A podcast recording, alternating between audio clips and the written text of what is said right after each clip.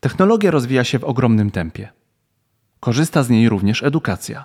Personalizujemy, bawimy się futurologa, ale jednocześnie pruski model szkoły trzyma się mocno. Trzeba coś z tym zrobić. Czy AI jest walcem, który to wszystko wyrówna? Escola Mobile. Biznes masz w kieszeni. Zakuwanie i recytacja z pamięci nie są najlepszym sposobem na przyswajanie wiedzy, bo nie umiemy z niej korzystać. Nie chodzi o to, aby uczyć się jak najwięcej, ale jak najbardziej efektywnie. Nasza gościni jest członkinią Singularity University, a w Polsce tworzy Digital University. Obie organizacje są połączone i oferują światowy poziom edukacji, dogłębną wiedzę o cyfrowej transformacji, a co najważniejsze, uczą myślenia cyfrowego. Porozmawiamy o edukacji, która zaczyna się właśnie teraz. Prompting w czacie GPT jako skuteczny środek do nauki? Czy walec AI zrówna edukację z ziemią, czy po prostu wyrówna stare i zrobi grunt pod nowe? W tej rozmowie pojawi się Khan Academy, AI, Elon Musk i mnóstwo myślenia cyfrowego. Jeśli chcesz wzmocnić firmę z pomocą AI, zbudować aplikację mobilną lub webową, wejdź na naszą stronę escola.pl. W prawym górnym rogu kliknij wyceń projekt i daj nam znać, jak możemy Ci pomóc. Dzień dobry, dzień dobry, to jest Escola Mobile Live. Dzisiaj mam wyjątkową gościnę, Jowita Michalska, Digital University. Cześć Jowita. Cześć, dzień dobry, dzień dobry. Słuchajcie, ja, ja ujawnię trochę prywaty. Jowita to jest taka osoba, którą ja zawsze chciałem spotkać na żywo i do dzisiaj chyba nie mogłem jej spotkać, więc... Właśnie. Ponieważ jest to audycja live, więc sobie wyobrażajmy, że jesteśmy live, siedzimy, Jowita, masz kawę swoją, tak? E, I jesteśmy na kawie, słuchajcie, Jowita, ty jesteś taką troszeczkę, powiem jednak, e, no, ikoną tej całej cyfrowej transformacji, ale żeby tak trochę rzeczkę zejść na ziemię, to opowiedz dwa słowa, co ty właściwie e, robisz poza byciem ikoną i influencerem i chodzeniem na różne panele? Kurde, to muszę sobie dogadać, dorzucić sobie do CV, bo nie wiedziałam o tej ikonie, to pierwsze słyszę. Może na koniec gdzieś tam do bio rzucę. Co ja robię? Ja przede wszystkim z, z całą miłością jestem założycielką i szefową Digital University. To jest organizacja, którą sama sobie stworzyłam, sama sobie, sama stworzyłam zapoczątkowałam na pewno. I to są dzisiaj organizacje dwie, e, bo Digital University to jest fundacja, która zajmuje się edukacją osób wykluczonych. To jest moje takie ukochane dziecko. Szefową fundacji jest Ela Wojciechowska, którą teraz ja właściwie głównie wspieram, a ona się zajmuje różnymi projektami, których tam pewnie w trakcie powiem parę słów. A drugą naszą nogą e, jest spółka Digital University, która, e, która ma Mm, z kolei za zadanie działanie dla biznesu i my, e, jak wchodzi technologia, to my staramy się dorzucić edukację. To znaczy chcemy, żeby ludzie zrozumieli tą całą transformację cyfrową. Mamy szereg projektów e, edukacyjnych, mamy całą masę, reprezentujemy całą masę ekspertów, e, którzy z całego świata zresztą, właściwie chyba nie wiem, czy jest jakiś kraj, który się zajmuje transformacją cyfrową, my z, nich ekspert, z niego ekspertów nie mamy. Mm, I pracujemy z wieloma firmami, pomagając ich pracownikom zrozumieć transformację cyfrową i stać się ich częścią. Ja prowadzę podcast mój Digitox e, i staram się dzielić tak zupełnie z, trochę z miłości do technologii, e, dzielić się wiedzą i starać się pomagać ludziom takim zupełnie zwykłym zrozumieć, że to jest ważny element naszego życia dzisiaj.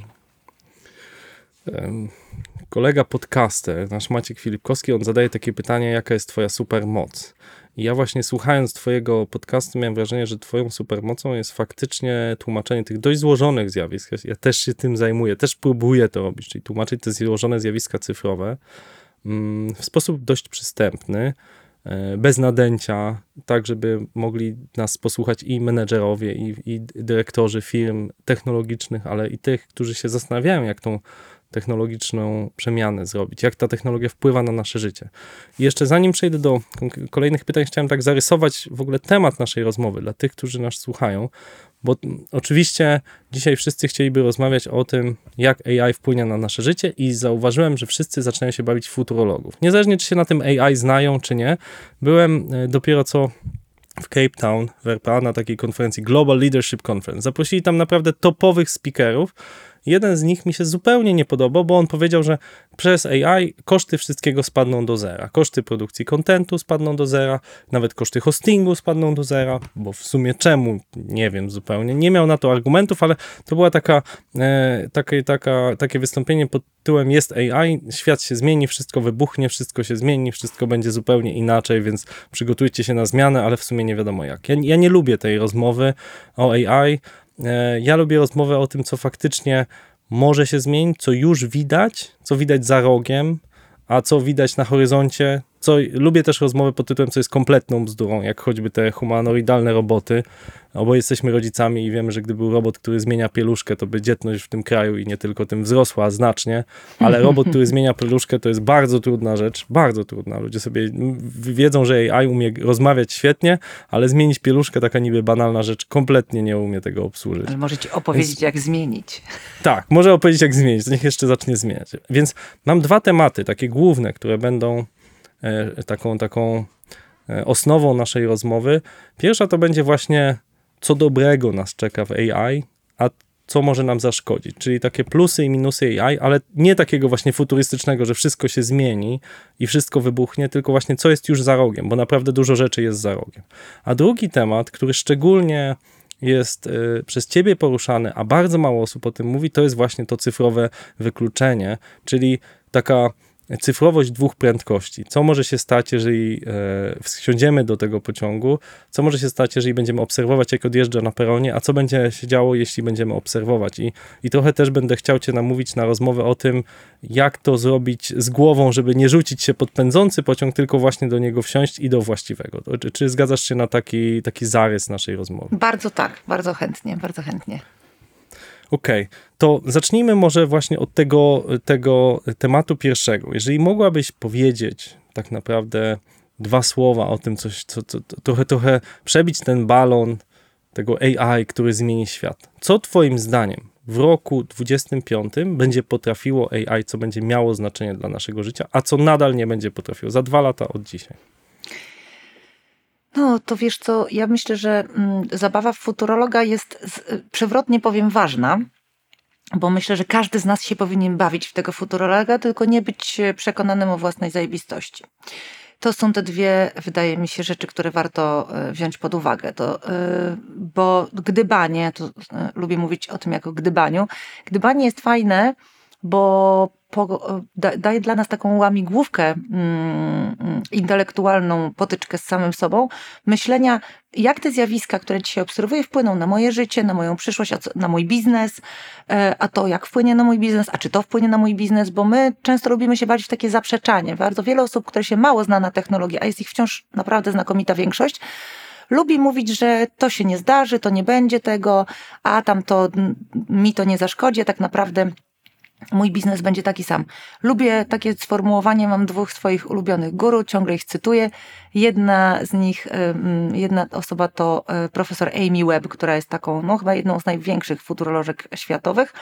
E, Amy mówi, e, Amy mówi, że my chorujemy na taką chorobę jak nowizm, czyli teraźniejszyzm chyba po polsku, polegającą na tym, że nam się wydaje, że oczywiście my jakby rozumiemy, że się rozwija sztuczna inteligencja, technologia, bleble, te wszystkie rzeczy, gdzieś tam to przepływa z boku, ale i tak uważamy, że to, co my robimy i to, jak my żyjemy, to się akurat pewnie specjalnie nie zmieni albo tylko troszkę i, te, e, i ten y, sposób myślenia, to gdybanie, powoduje, że my jednak się przygotowujemy na różne scenariusze. To, czego nie możemy robić, to się przywiązywać do jakiegokolwiek z tych scenariuszy, bo zarówno to, co ja dzisiaj tutaj powiem, e, mimo pozorów zna, znania się, co kto jakikolwiek inny ekspert na czele z profesor Amy Webb powie, to i może się zdarzyć, ale najprawdopodobniej w takim scenariuszu się nie zdarzy. Być może jakiś fragment tego się zadzieje, to nas nie zwalnia z obowiązku przygotowywania się na tą przyszłość. A z kolei bardzo drugi mój ulubiony ekspert, e, profesor Scott Galloway, zresztą oni są z tej samej uczelni, to śmieszne, mówi, że technologia rządzi światem, mamy tylko w nim żyjemy. I myślę, że wszyscy sceptycy technologiczni,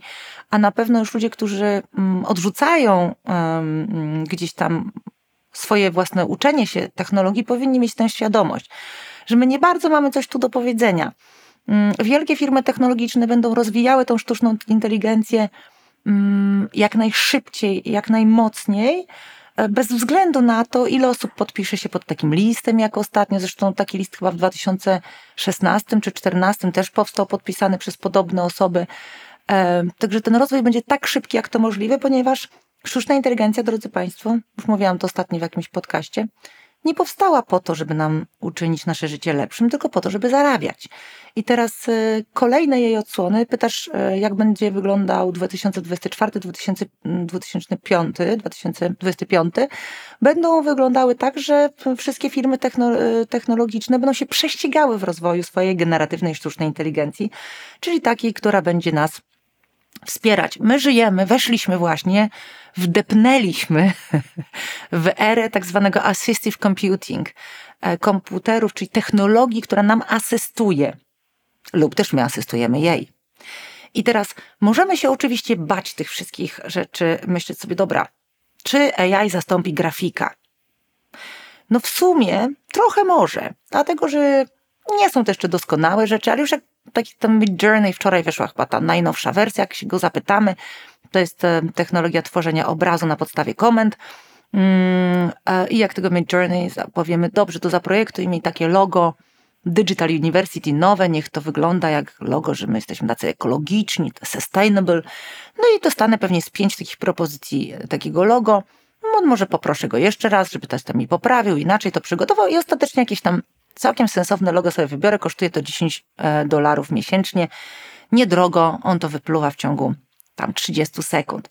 Pewnie wciąż grafik e, zrobiłby to lepiej, ale fajniej na pewno jest, jak ten grafik sobie poprosi Mid Journey, żeby mu zrobił taką wersję e, podstawową, a potem sobie na niej popracuje, przerobi to, skróci czas jego pracy, ale obie te strony będą potrzebne i chyba ja taki scenariusz bardzo widzę, czyli human plus, plus AI w większości zawodów. No i takie następne lata będziemy mieć tę, tę asystę coraz częściej, bo na przykład lekarz.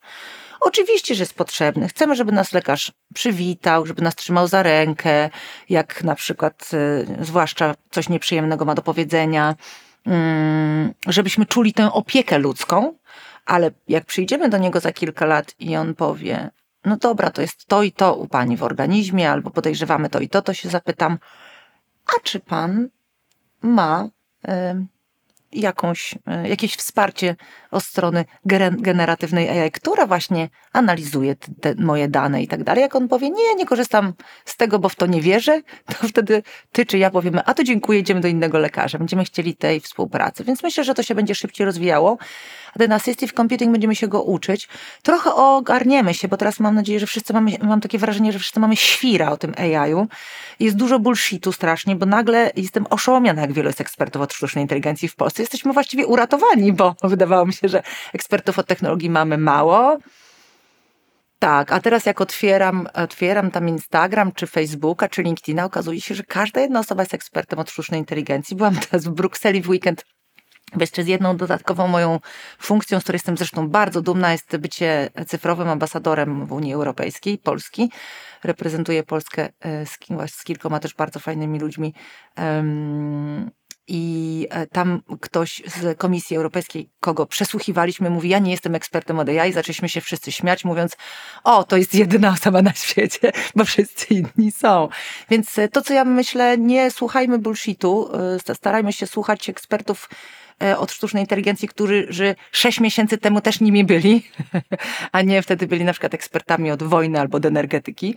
Mm, ale e, te najbliższe dwa lata po prostu przyniosą nam przyspieszenie. Troszkę się w tym ogarniemy. Mam wrażenie, że zaczniemy się uczyć. Część z nas będzie tworzyć startupy oparte o jakieś formy czata GPT i myślę, że ten ruch jest bardzo duży. Trochę ludzi odchodzi z big techów, z wielkich, mm, e, wielkich korporacji, E, i zaczyna robić swoją robotę e, mhm. technologiczną. Mhm. To jest, to jest niesamowite. To jest niesamowite. Nawet ostatnio słyszałem e, tutaj w tym podcaście od Jarka mm, Synerajza, że powstanie One Man Unicorn, taki koncept. Jest ten koncept, chodzi. Ten. Chodzi ten koncept po, po, po mieście, że tak powiem. Mhm. Ja chyba nie wiem, nie chciałabym, mhm. bo to strasznie smutne. Mi, mi, się wydaje, że to jest uproszczenie jak każda rzecz, to, bo to nigdy nie jest one man, bo on, on ona korzysta z jakichś narzędzi, które y, wzmacniają i to, i to jeszcze nie jest unicorn, to jest dopiero to jest dopiero jakiś zaczątek czegoś, co staje się dużą rzeczą, natomiast na pewno y, prawdą jest to, co mówisz, że to nam skróci pracę, bo myślę o o lekarzu, o prawniku, który w swojej pracy, może nie zawsze to widzimy, jak tam klika w ten komputer lekarz, sprawdza jakieś na przykład, czy nie ma e, tak, tak, tak, tych e, konfliktów lekowych, nie pamiętam jakie jest profesjonalne określenie, ale że, że można dane, daną, dane dwa czy trzy lekarstwa przyjmować jednocześnie i nie ma, nie ma w związku z tym problemu.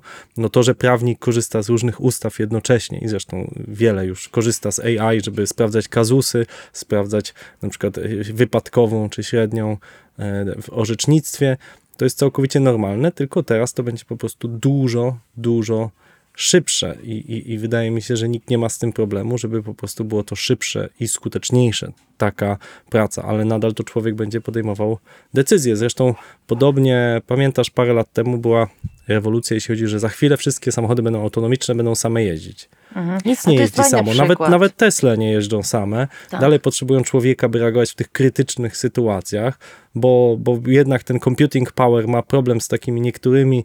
Mm, marginalnymi sytuacjami, których nie jest w stanie rozpoznać. E, I ten człowiek jest tam potrzebny, tak? Oczywiście to jest super, że Tesla jest w stanie przejechać, czy, czy, czy samochód e, jakiejś wysokiej klasy 80% trasy samodzielnie, natomiast dalej potrzebuje nas i to jest, to jest coś wspaniałego. E, tak, tak, tak widzę gdzieś ten, ten przyszłość AI. A, a, a ty? Wiesz co, to jest dobry przykład, który podałeś, bo żebyśmy zwrócili na to uwagę, że te technologie się bardzo tak niejednorodnie rozwijają, no, że czasami napotykają w pewnym momencie na jakieś wyzwanie, tak jest w przypadku samochodów autonomicznych, e, i nagle ten rozwój się wstrzymuje, wtedy się kolokwialnie mówiąc jaramy czymś innym, a potem nagle jest pyk, odblokowanie i ta technologia dalej znowu leci. Więc dlatego po pierwsze warto się przyglądać, E, I po drugie, e, to, że teraz nie ma autonomicznych samochodów, nie znaczy, że za 5 lat ich nie będziemy mieli. Tak samo jak e, dzisiaj mamy tę dyskusję, zresztą mi śmieszy, jak ludzie przy, przy, przynoszą ten przykład, że kiedyś się baliśmy kalkulatorów, teraz się boimy generatywnej sztucznej inteligencji. Myślę, że jest to trochę co innego, ale można już naprawdę ciekawie też tę technologię wykorzystywać w edukacji. I troszkę się tak obchodzimy jak z jeżem z tą technologią teraz. E, w szkołach niektórych się zakazuje, w niektórych się nie zakazuje, a z drugiej strony to może być świetne narzędzie, świetne do wsparcia. Mhm. O edukację e, cię za moment, Jowita, zapytam, bo to Dobrze. będzie nasz drugi rozdział rozmowy. Dobra. E, ale jeszcze chciałem cię zapytać, czego się boisz? Ty osobiście, czy jest, y, bo jesteś raczej ed, ed, edukacyjną entuzjastką i technologiczną entuzjastką, ale są rzeczy na pewno, których się boisz, które cię zastanawiają, czy idziemy w dobrym kierunku. Y, coś jednak jest na pewno za tym listem, który ktoś tam, wielu, wiele znanych osób podpisało. Y, czego ty osobiście się obawiasz? Mm, to też jest dobre pytanie. Wiesz co... Um ja nie jestem techno entuzjastką, ja jestem entuzjastką życia i to się wydaje, że jestem entuzjastką techno. Jestem technosceptyczką na pewno, y, bo y, technologia przy tak szybkim rozwoju jak teraz wymyka nam się spod kontroli i to nie dlatego, że nagle uzyska samodzielność w przyszłym roku, bo raczej to się nie zadzieje, i nie wydarzy. Natomiast my rozwojowo nie korzystamy z tego dla dobra ludzkości w takim wymiarze, w jakim moglibyśmy. To jest coś, co jest moim lękiem że my się nie dostosowujemy szybko, że są te wszystkie cyfrowe nierówności, z którymi my pracujemy. I to jest tak, że e, Fundacja Digital University prowadzi programy edukacyjne dla szkół. E, I jak sobie myślimy, e, ty czy ja codziennie ktoś z nas z, z, kimś rozmawia o czacie GPT przysłowiowym, wydaje nam się, że on już nam powoli zaczyna z podłóżka wychodzić. A potem e, ja e, z naszą fundacją wyjeżdżamy 150 km od Warszawy spotkać się z nauczycielami szkół podstawowych, bo mamy taki program, który się nazywa BINET e, i w nim kształcimy nauczycieli właśnie w kompetencjach w przyszłości, bezpieczeństwie w internecie, przygotowujemy scenariusze lekcji dla szkół, dla, dla klas, żeby nauczyciele mogli je prowadzić. I się nagle okazuje, że nikt nie słyszał o tym czacie GPT, tak? Więc te, te to dziewczyny z domów dziecka, tak, z trudną Zapominamy sytuacją. o tym zapominamy o tym, że są ludzie, którzy jeszcze nie słyszeli, nie korzystali, albo słyszeli, ale jest, w ogóle się nie, nie, nie wywołało to żadnego ich zainteresowania, nie? Tak, tak. My żyjemy w banieczkach, w banieczkach i nasze banieczki są takie, a jak wychodzimy poza banieczkę, to są inne. I bardzo gorąco zachęcam do wychodzenia poza swoją banieczkę, chociaż w mojej banieczce ja się bardzo lubię, że tak powiem, rozgościć. Okej, ale troszeczkę uciekłaś mi od tego pytania, Mhm. bo powiedziałaś, że część osób jeszcze tak bardzo nie korzysta. Mhm. Powiedziałaś, że troszeczkę może twoje obawy y, są odległe, ale właśnie to usamodzielnienie się wcale tak szybko nie, stąp- nie nastąpi, czyli tak trochę uspokajasz te obawy.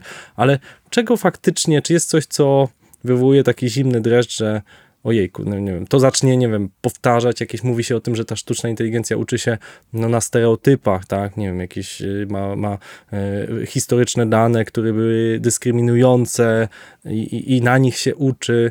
Mm, Czy są rzeczy, których się realnie obawiasz, że właśnie zostanie z nami to na dłużej i to jest bardzo złe zjawisko?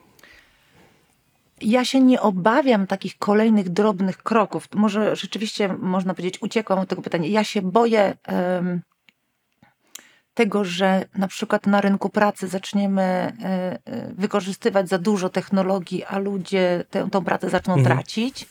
Ja się boję tego, trochę się boję, nie wiem, kwantum, e, bo myślę, że jak widziałam ostatnio jakiś czas temu prezentację jednego z największych chińskich ekspertów od technologii, to m, Kai Fu Lee to pokazywał, że Chiny mają ponad 3000 patentów w obszarze kwantum, to jest najwięcej na świecie, a wiemy o tym, że, że, że, że e, stabilny komputer kwantowy no, może jakby zaorać trochę mm, na przykład cały obszar cyberbezpieczeństwa i nagle wszystkie konta na świecie staną trochę otworem. Tego się trochę obawiam, jak to będzie szło. Mie- Mieliśmy, mieliśmy audycję, mieliśmy audycję we Schola Mobile niedawno Tak. o, w, z IBM-em o Quantum. No właśnie, IBM, e, który uważa, że ma najwięcej na świecie e, do powiedzenia w kwantum. Ja myślę, że na Chińczycy mm, co najmniej porównywalnie. E, Boję się trochę e, tych wszystkich zapędów jak metaversy i tak dalej, bo oczywiście to jest też w tym jest ogromny biznes. Ja wiem, że to nie, nie człowiek, który chce być szczęśliwszy, napędza rozwój technologii, tylko biznes napędza rozwój technologii. Teraz jak popatrzymy, ile jest e, ciekawym wątkiem dla mnie są te ograniczenia social mediów dla dzieciaków. Też sama wiem, jak dużo jest dzisiaj trudności związanych z, z wychowaniem dzieci z technologią, bez technologii, z telefonem, bez telefonu, dać dostęp do social mediów, nie dawać, ograniczyć mniej, więcej i tak dalej. Mm, Ewidentnie technologia ma swój udział w e, zwiększonej depresji wśród młodych ludzi. Tych rzeczy się boję. Boję się, że nie będziemy mieli celu e, w życiu. Tego ja e, jakby kocham tą Grecję moją, gdzie sobie jadę i tam jest e, cała masa miejsc, gdzie jest mało technologii, bo myślę, że boję się tego, że zatracimy równowagę, że tam wjedziemy, że będziemy żyli w metaversum.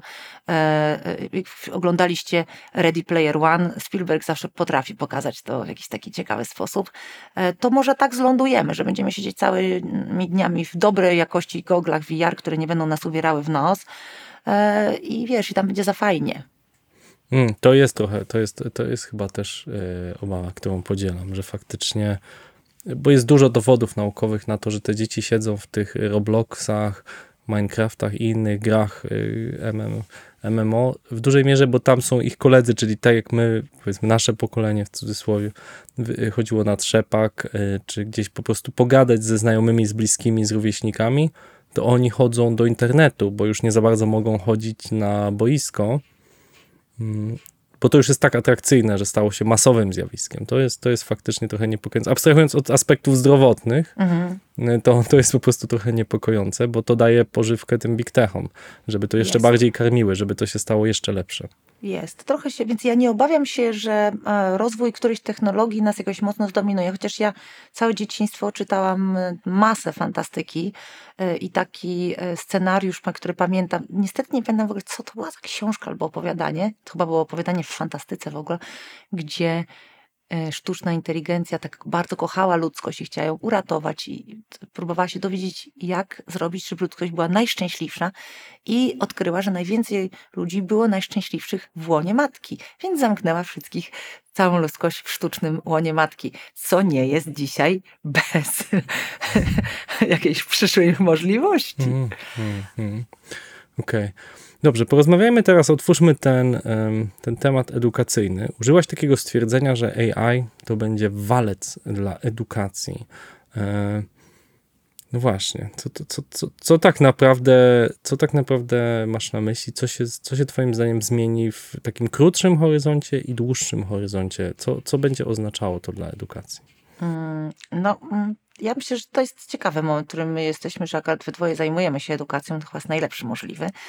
E, Te ostatnie grube ponad 100 lat, kiedy byliśmy w takim systemie jednak testowym, uczenia się na pamięć, takiego niełączenia też nauk ze sobą, na pewno już nie w głowie ucznia, mm, takiego e, e, nauczyciela jako tego guru po drugiej stronie sali, to wszystko się już kończy, kończy, kończy. Ale tak się kończy, też wykrwawia się to od 10 lat, a jeszcze się nie wykrwawiło i myślę, że sztuczna inteligencja tego dodatkowego kopa daje. E, To, co w najbliższych latach e, będziemy testować różne eksperymentalne modele edukacyjne wszyscy i powoli, powoli one się będą przesuwać pewnie do mainstreamu. Mam taką nadzieję. E, Będziemy przyglądać się scenariuszom, które są stosowane już kilka krajów, coś ciekawego robi. Zaczynamy wprowadzać do edukacji no, powoli AI, zaczynamy, będziemy zaczynać. Wprowadzać AI jako taki e, element, który nam umożliwia personalizację nauki przez e, ucznia, jako taki tutor, tak, to widzimy, co, co Khan Academy zrobiło, co Sal Khan o tym opowiadał ostatnio, gdzie to jest w ogóle fenomenalna platforma, tak, która daje bardzo wysokiej jakości możliwości edukacyjne dla dzieciaków, które nie mają w ogóle szansy chodzić do szkoły, ale znają angielski e, przynajmniej trochę i mają, chociaż w, zresztą w wielu innych językach już już jest Khan Academy, e, ale mają dostęp e, do jakieś w miarę sensowne łącze, dostęp do internetu. Teraz będą miały możliwość za chwilę też posiadania prywatnego tutora. Tak?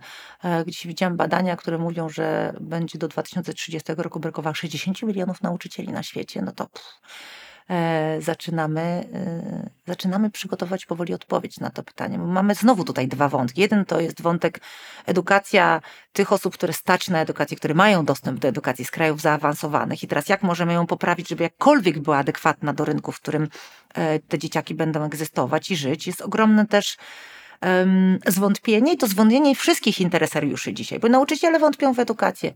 System nawet wątpi w edukację, dzieciaki absolutnie, biorąc pod uwagę na przykład ile dzieci przeniosło się namówiło swoich rodziców albo gdzieś tam z nimi wspólnie podjęło taką decyzję, żeby się przenieść do szkoły w chmurze, to też ostatecznie pewnie nie jest jakimś e, e, e, finalnym rozwiązaniem.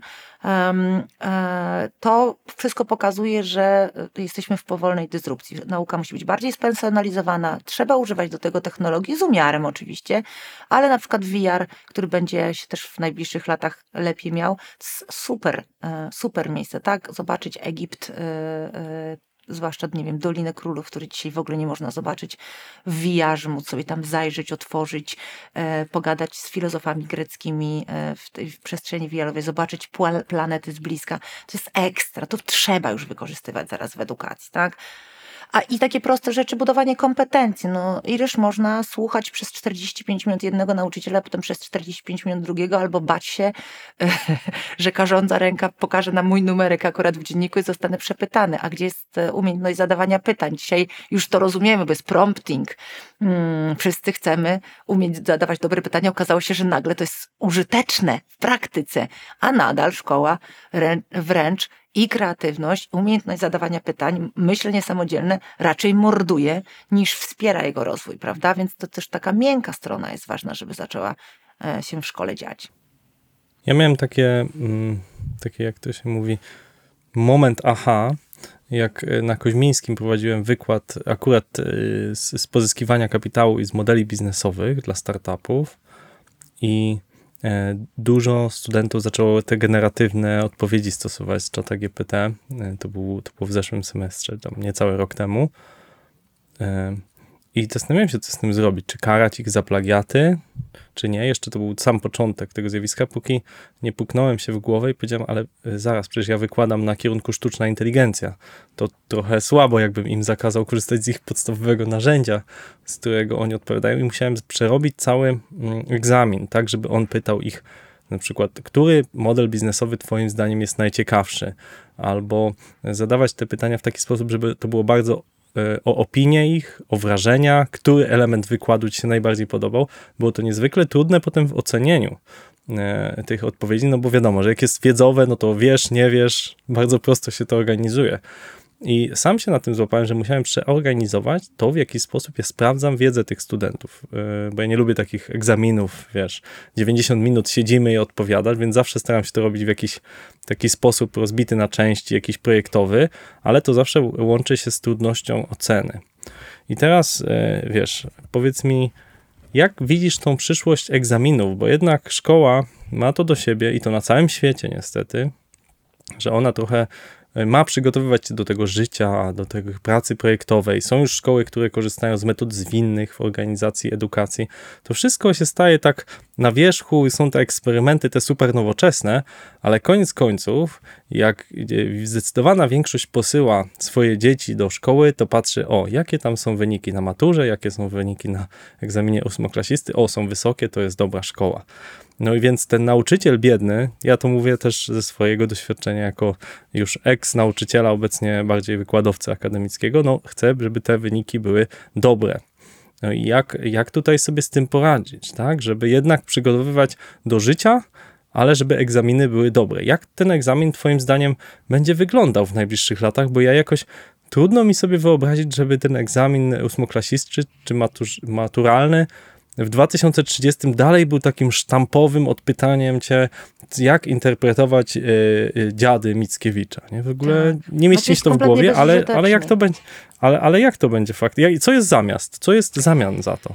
Na pewno, odej- na pewno odejście od takiego systemu, po pierwsze, mm, fragmentaryzowania tej wiedzy, tak, że mamy 45 minut biologii, 45 minut chemii, 45 minut fizyki, jakby w naturze te zjawiska łączą się ze sobą. I no ale wiesz, o tym, mówimy, o tym mówimy od lat i dalej się fragmentaryzuje, co więcej akurat w polskim systemie on jest taki awangardą, bym powiedział, do wszystkich zmian na świecie mhm. e, i tego, co badania pokazują, jeszcze bardziej się fragmentaryzuje. Tak, więc... tak, tak to jest rzecz, no, y, to jest rzecz, która ewidentnie mm, warta jest zmiany. Ocenianie, no właśnie to, co dzisiaj mamy, jest kompletnie bezużyteczne. E, dzisiaj musimy złożyć, e, do człowieka będą należały złożone problemy jeszcze przez chwilę, mm-hmm. zanim technologia nie nauczy się ich rozwiązywać, no ale jednak ten świat jest coraz bardziej złożony, coraz szybciej się e, bardziej wikła i trenowanie umiejętności rozwikły, rozwikłania również za pomocą technologii trudnych y, zadań, to jest to, co, no do, do, czego się musimy przygotować. Dlaczego z tego nie robić egzaminów, tak? Egzamin ósmoklasisty z ryciem na pamięć i ogromnym stresem dla dzieci, e, który, w które jeszcze jest, są wpychani, jeśli nie przez własnego rodzica, to przez nauczyciela, albo przez innych rodziców, albo taką, to jest najważniejsze. Patrz z perspektywy naszego dorosłego życia, czy w ogóle pamiętasz swój egzamin ósmoklasisty, czy był jakkolwiek dla ciebie istotny, no ale na przykład ja mojej córce nie jestem w stanie tego wytłumaczyć, miej to gdzieś, ja mam to gdzieś, córciu, a ona mówi, wiem, że mi to mówisz, ale z perspektywy tu i teraz siedzenia w tej szkole nie mogę mieć tego gdzieś. A gdybyśmy na przykład dali dostęp do książek, dali dostęp do internetu, dali dostęp do telefonu i powiedzieli, tu masz takie złożone zadanie i rozwiąż je, z dostępnym do wszystkich możliwych zasobów. I na przykład w ten sposób można zdawać maturę w krajach skandynawskich eksperymentalnie już nie, niekiedy. I to jest ekstra. Moim zdaniem to jest rozwiązanie. Oczywiście to nie jest tak, że ja się na wszystkim znam. Ja mam jakieś swoje teorie. Ja się znam na technologii szeroko, ale nie głęboko. W sensie znam wiele wątków technologicznych i raczej patrzę tak bardzo holistycznie, powiedzmy z lotu ptaka, i takie mi się w mojej głowie rysują e, koncepcje. Okay, e... okay. Czyli mniej takiej właśnie o, zinterpretuj mi dziady i odpowiedz na pytania, kto, jakie były cele romantyków w Polsce, tylko nie wiem, powiedz jak rozwiązać problem głodu na świecie, chociaż i na to pewnie czat GPT by znalazł odpowiedzi, ale jeszcze bardziej złożone jakieś problemy, które nie mają jednoznacznej odpowiedzi. On, z nimi będzie problem w ocenie za to egzamin. Dokładnie. To to... I ponieważ świat jest coraz bardziej złożony, to coraz więcej musimy tych dyskusji mieć. I myślę, że takie rzeczy, które z jednej strony mają E, takiego spryt, e, pokazują taki spryt młodego człowieka, umiejętność wiązania różnych obszarów e, i czerpania z nich, ale jednocześnie taka inteligencja emocjonalna i trochę tej empatii. Wiesz co, jakoś podobało mi się, jak powstawała ta szkoła, którą Elon Musk trochę stworzył dla swoich dzieci, bo ich dosyć sporo ma, Ad Astra, przynajmniej w zamyśle. I tam była ta, był taki case, że żeby się do tej szkoły dostać, dzieciaki nagrywały swoją koncepcję, swoją odpowiedź na, taki, e, na takie szerokie pytanie. Nie pamiętam szczegółowo, więc powtórzę in general. Jest miasto, w mieście fabryka. Fabryka daje zatrudnienie znakomitej części e, mieszkańców tego miasta, jednocześnie truje rzekę, która daje pożywienie znakomitej części miasta. I co możemy z tym zrobić, prawda? I nie ma jednoznacznej odpowiedzi, ale ileś tych odpowiedzi można poćwiczyć, ileś tych wątków można e, wyobraźnią i, e, i też różnymi umiejętnościami pociągnąć. I tego typu rzeczy będą nam towarzyszyły coraz częściej. Tego typu wyzwania, pomysły i tego typu problemy powinniśmy zacząć rozwiązywać właśnie na egzaminach, które pokazują, jak myślimy. Trochę się to dzieje na przykład, jak się chcesz dostać na jakąś dużą, mądrą uczelnię na przykład amerykańską i wtedy piszesz esej, piszesz jakim jesteś człowiekiem, co sobie, co, co zrobiłeś, zrobiłaś, czy na przykład właśnie udzielałaś się filantropijnie, czym się interesujesz. O takie rzeczy powinniśmy sprawdzać, tak? Przede wszystkim wydaje mi się, że to, co w polskim systemie edukacji jest bardzo szwankujące, to jest my nie wyłapujemy talentów. Pamiętam taką śmieszną historię któregoś z moich znajomych, który mówił, moja córka wyjechała w wieku 17 lat do Stanów na tam jakiś kolejny etap edukacji i się okazało, że ma niesamowity słuch i świetna jest muzycznie, w związku z tym gra teraz na wiolonczeli. Dlaczego przez cały okres szkoły podstawowej i średniej w Polsce nikt tego nie zauważył z nauczycieli? No, od tego, dlaczego rodzice też nie zauważyli, to inszeńszość, ale, ale jakby szkoła mogłaby takie rzeczy robić, które są super basicowe i bardzo potrzebne. No tak, tak, zdecydowanie system anglosaski opiera się właśnie o znalezienie talentów, tak, nie, nie skupia się na e, wyrównaniu wad. E, No ale taki jest ten system, różnią się te systemy, mają swoje wady i zalety. Ja w, Tak, obu też i tak. pracowałem i, Tak. i nie, nie, chcę, nie, nie uważam wcale tego systemu anglosaskiego za idealny. Nie, ja E. też nie, ja też nie, ale są Mhm. pick the cherries, tak? Możemy wziąć sobie Mhm. pewne elementy. W skandynawskim jest to, że dzieci uczą się też w naturze. Wychodzisz rzeczywiście, e, wiesz, no, będzie mieć problemy energetyczne prędzej czy później. Warto na przykład pójść do lasu i powiedzieć, jak sobie poradzisz z problemem energetycznym. Tu, tu i teraz może trzeba porąbać trochę drewna, coś porobić. Mm, I takie, takie pytania, e, odpowiedzi, odpowiedzi na takie pytania uważam, że powinny być na przykład częścią egzaminu, a nie po prostu e, odpowiedzi na jakieś te testowe pytania, czy, czy, e, czy takie klasyczne klasówki, jakie mamy Mhm, dziś. mhm. Sprawdzanie wiedzy przejdzie do lamusa. Mhm. Chcę jeszcze ciebie zapytać trochę z perspektywy rodzica, bo ty wspominasz i w swoich podcastach i powiedziałeś, że ty trochę eksperymentujesz też, rozmawiasz dużo ze swoją córką.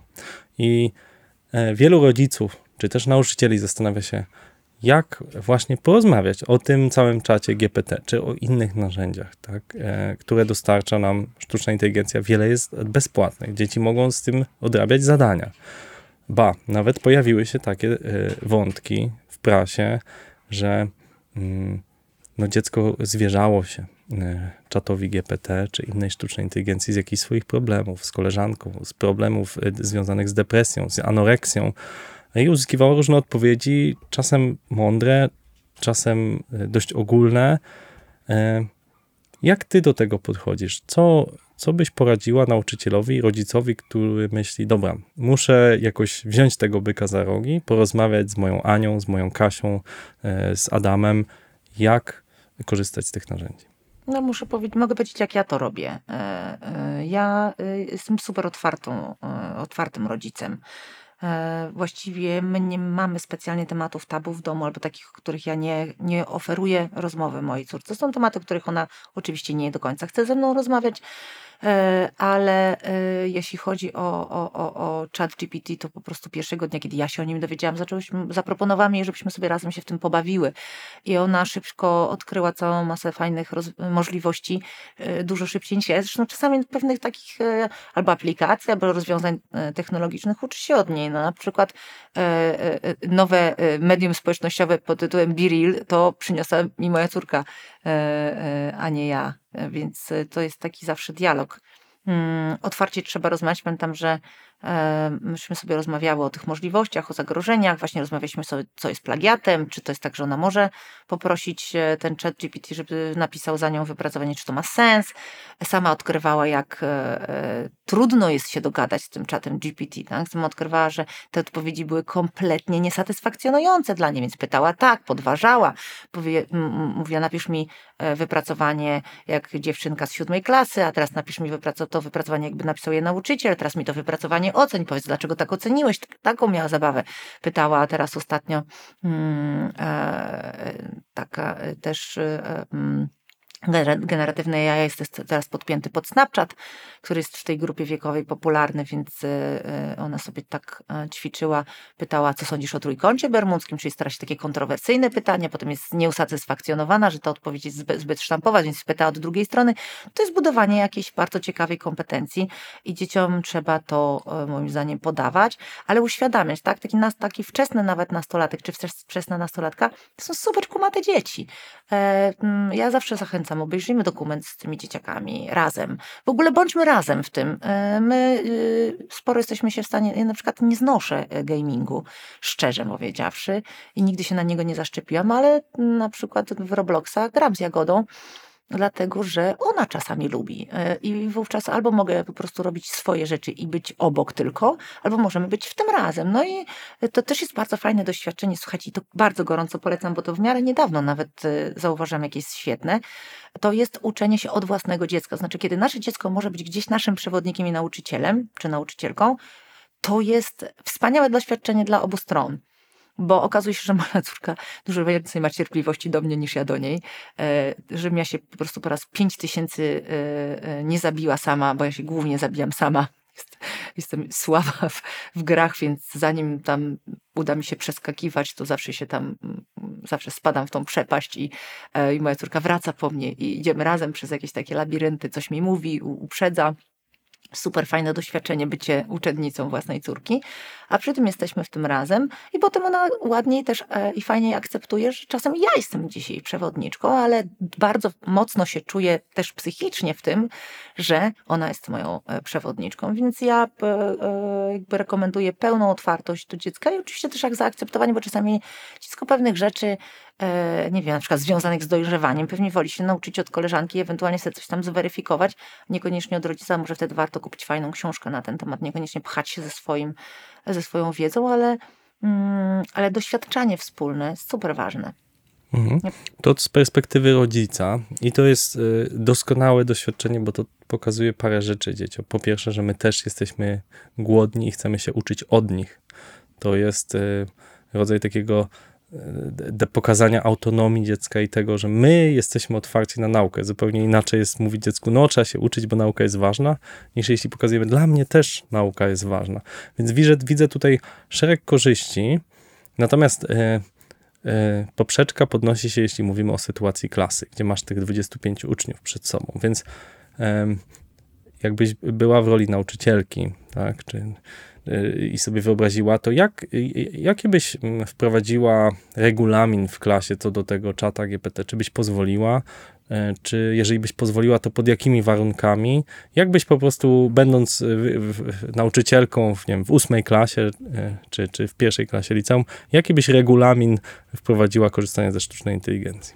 Słabo jest do mnie pytanie o regulamin, bo ja jestem raczej, wiesz, co tak, Znaczy, mam regu- mam rebeliancką tak. osobowość, więc ja raczej wychodzę poza regulaminy niż Mhm. w tworzeniu, na pewno nie jestem dobra.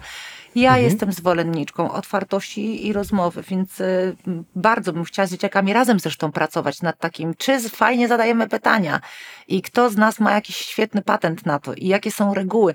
Po pierwsze uważam, że na pewno powinna być kolekcja, która wytłumaczy dzieciom, jak działa chat GPT, że to nie jest ktoś, kto myśli nad odpowiedzią na nasze pytanie, jak ta technologia działa, bo jak zrozumiemy e, to ten sposób funkcjonowania, to też łatwiej jest nam promptować. No Bo wiemy, że on po tak, prostu tak, tak. podpowiada, że on po prostu w zależności od e, p- od procentowych możliwości daje następny wyraz, że on tego kompletnie nie tworzy jako zdanie, tak? albo tym bardziej jakiś zestaw zdań. I wtedy wiemy, czy najlepiej na początku da, zadać tę część pytania, czy na końcu trochę zaczynamy to rozumieć lepiej. Tego bym dzieci uczyła. Nad tym bym pracowała, pracowała razem. Dzieciaki są naprawdę świetne, mają e, super wyobraźnię.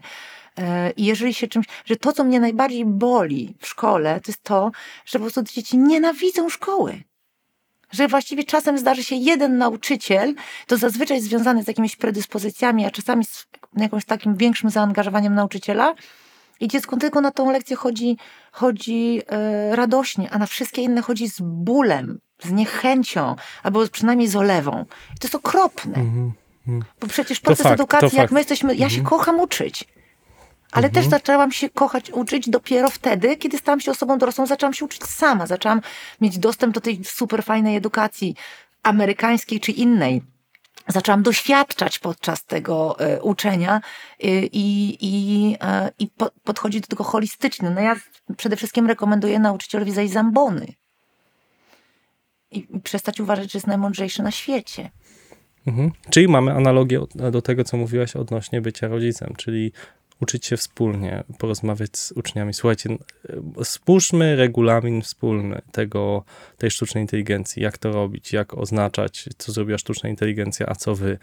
E, Spróbować się wspólnie zastanowić, w jaki sposób to robić mądrze i z głową, i też nie zawsze wierzyć, bo to jest e, aż zabawne dla mnie, że ten chat GPT, przynajmniej w wersji 3,5 tej darmowej, jest tak w cudzysłowie źle zaprojektowany, że nawet proste operacje, no może nie proste, ale operacje matematyczne wykonuje błędnie, bo on spróbuje zgadywać to, co najczęściej ludzie mówią, a ludzie niestety bardzo często się mylą, w związku z tym daje błędne odpowiedzi w operacjach matematycznych, co dla programu komputerowego jest nie do pomyślenia. No, to wiesz, to z drugiej strony faj, super fajnie, bo mm, mm, uczy nas pewnej czujności.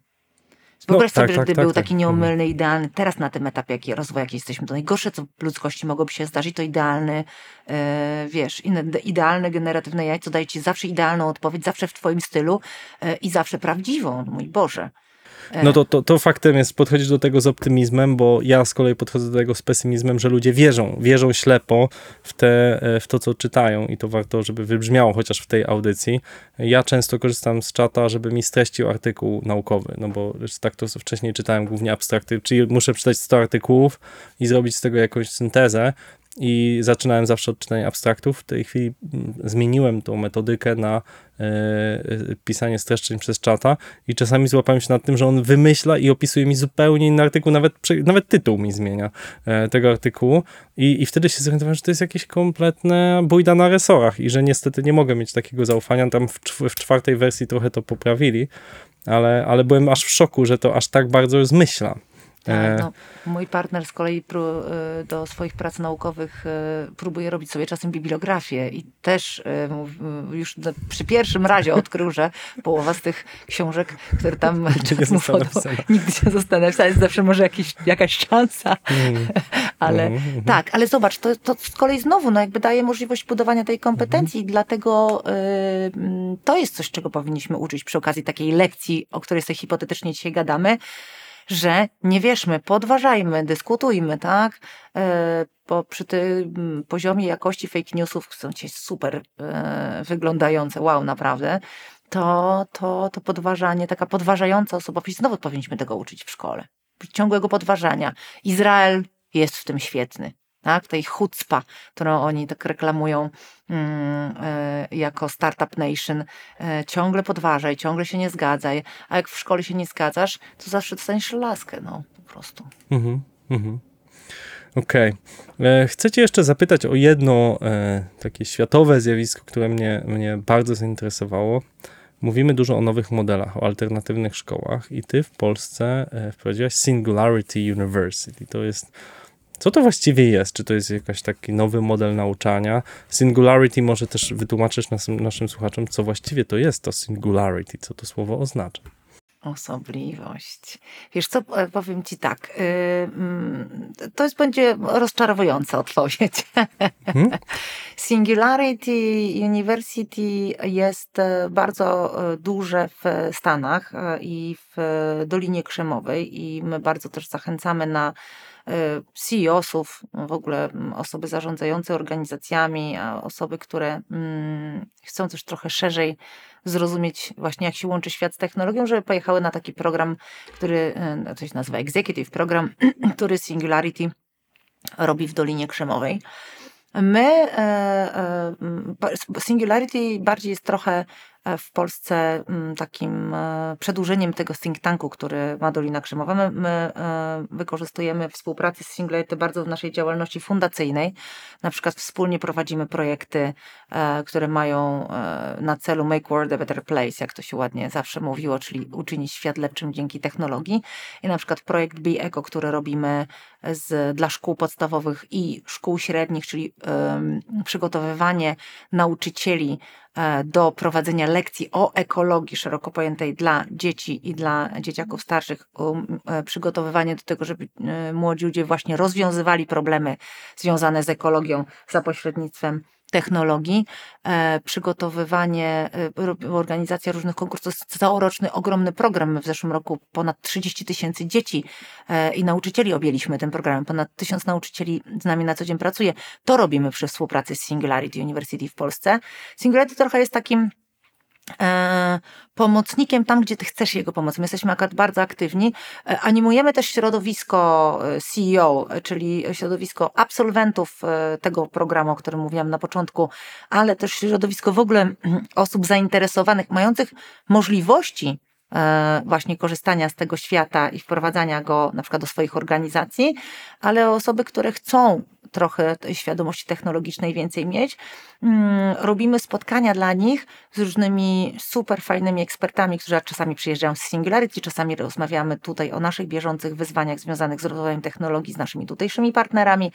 E, W każdym razie staramy się y, budować środowisko i uruchamiać w nim dyskusje na temat tego, co nowe technologie mogą wnieść, w czym są ważne, co się teraz zmienia i tak dalej, i tak. To jest to, jest to co robi Singularity University, a a to, co robi Digital University e, w Polsce, to jest taka pogłębiona edukacja, czyli, e, e, czyli w e, spółce mm, naszej my e, rozmawiamy z organizacjami, e, dowiadujemy się, jakie są ich wyzwania e, w rozwoju.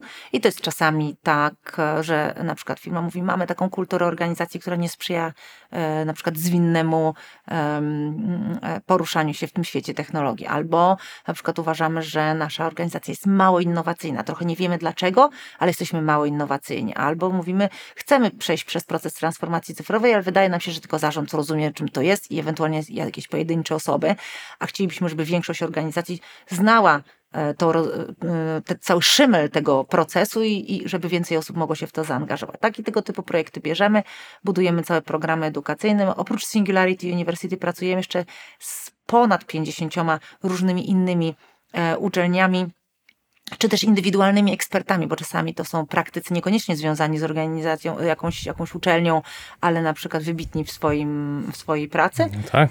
Ściągnęliście przecież e, Yuvala Harariego, no, jeden z autorytetów, i historyk, i futurolog w jednym. Tak, tak. Naprawdę wybitny, wy, wybitna osoba. E, Ha- Yuval Harari robi jedną, zrobił jedną fajną rzecz. O ile ja też, e, znaczy w naszym środowisku e, to dużo go podważamy, e, ale zrobił jedną fajną rzecz, to znaczy spopularyzował świadomość technologiczną. Jako, jego książki jako pierwsze z tego obszaru książek technologicznych zaczęły się bardzo masowo sprzedawać i on właśnie pokazuje taki totalnie holistyczny świat, przez to, że on jest przecież historykiem nie jest żadnym futurologiem.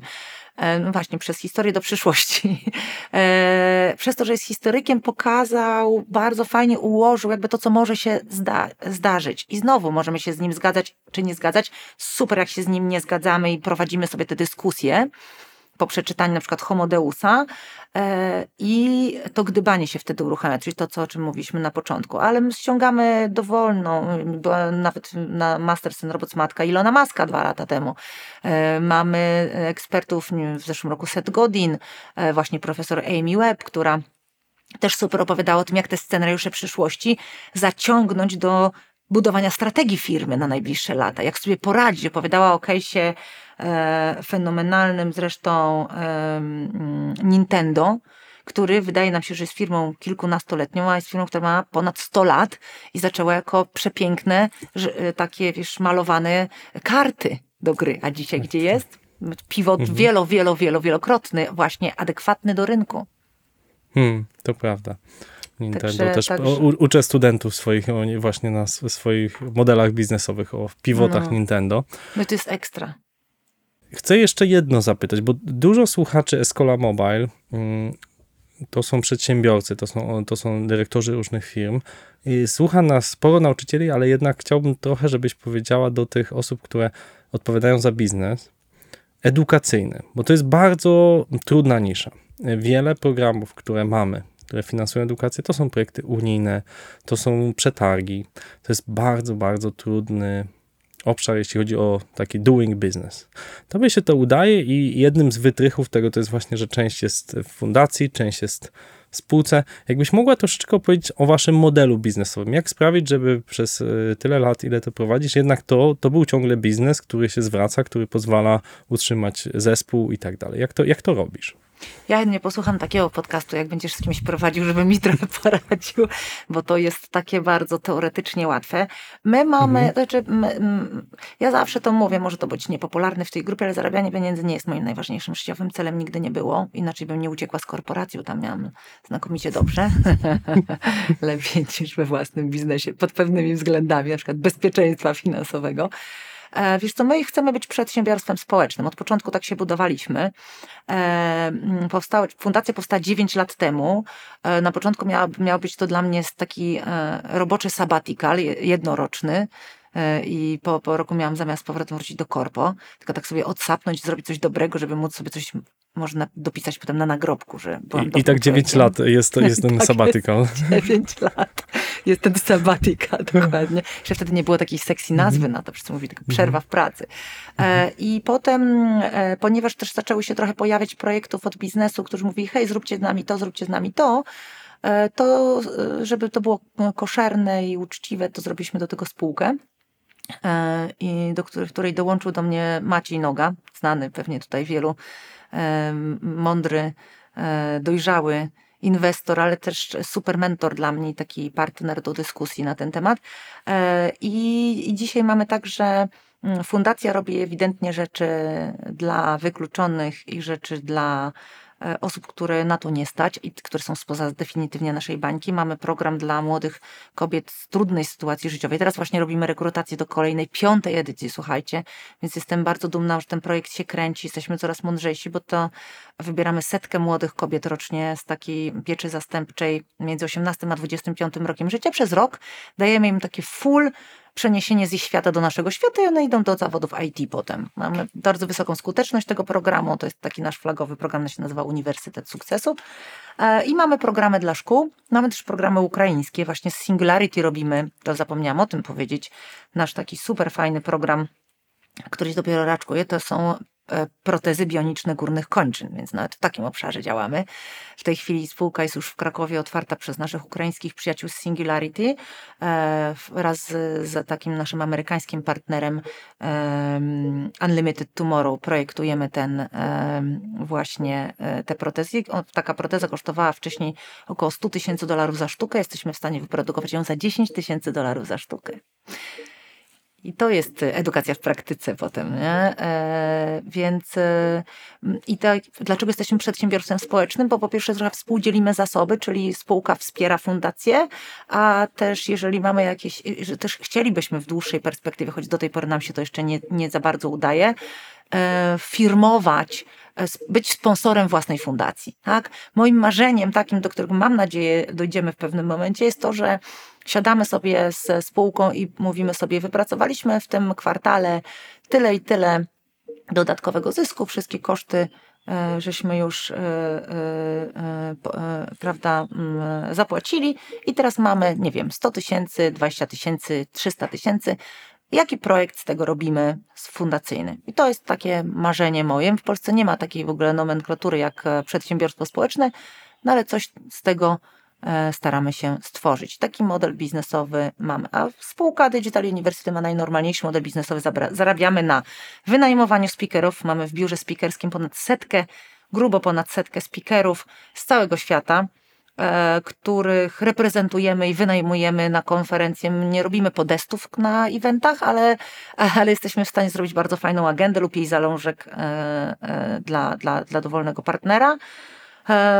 I mamy programy edukacyjne, które są bardzo złożone, bo czasami, mm, nie wiem, ten program jest w postaci wizyty studyjnej, gdzie jedziemy do Wielkiej Brytanii i pokazujemy, jak wygląda metaversowe studio, jakie tam technologie są podpięte, żeby sobie partner nasz zobaczył to od środka, e, na jakim to jest etapie, a czasami to są dwuletnie, grube programy edukacyjne z największymi uczelniami na świecie. E, I mamy Masters and Robots, naszą konferencję w tym roku, 18 października, siódma edycja, więc to też jest, e, no pandemia też była dla nas wyzwaniem, musieliśmy przejść na online, potem na hybrydę, teraz e, jesteśmy taką hybrydą, ale już bardziej stacjonarną. I ściągamy tych różnych ciekawych ekspertów, jak wspomniałeś, Harariego, w tym roku Scott Galloway i wielu innych takich też ciekawych, różnych wizjonerów, szaleńców ze świata do nas przyjedzie, żebyśmy mogli z nimi pogadać i się wymienić wiedzą. My w Polsce robimy dużo fajnych rzeczy, ale zdecydowanie za mało uczymy się z zewnątrz.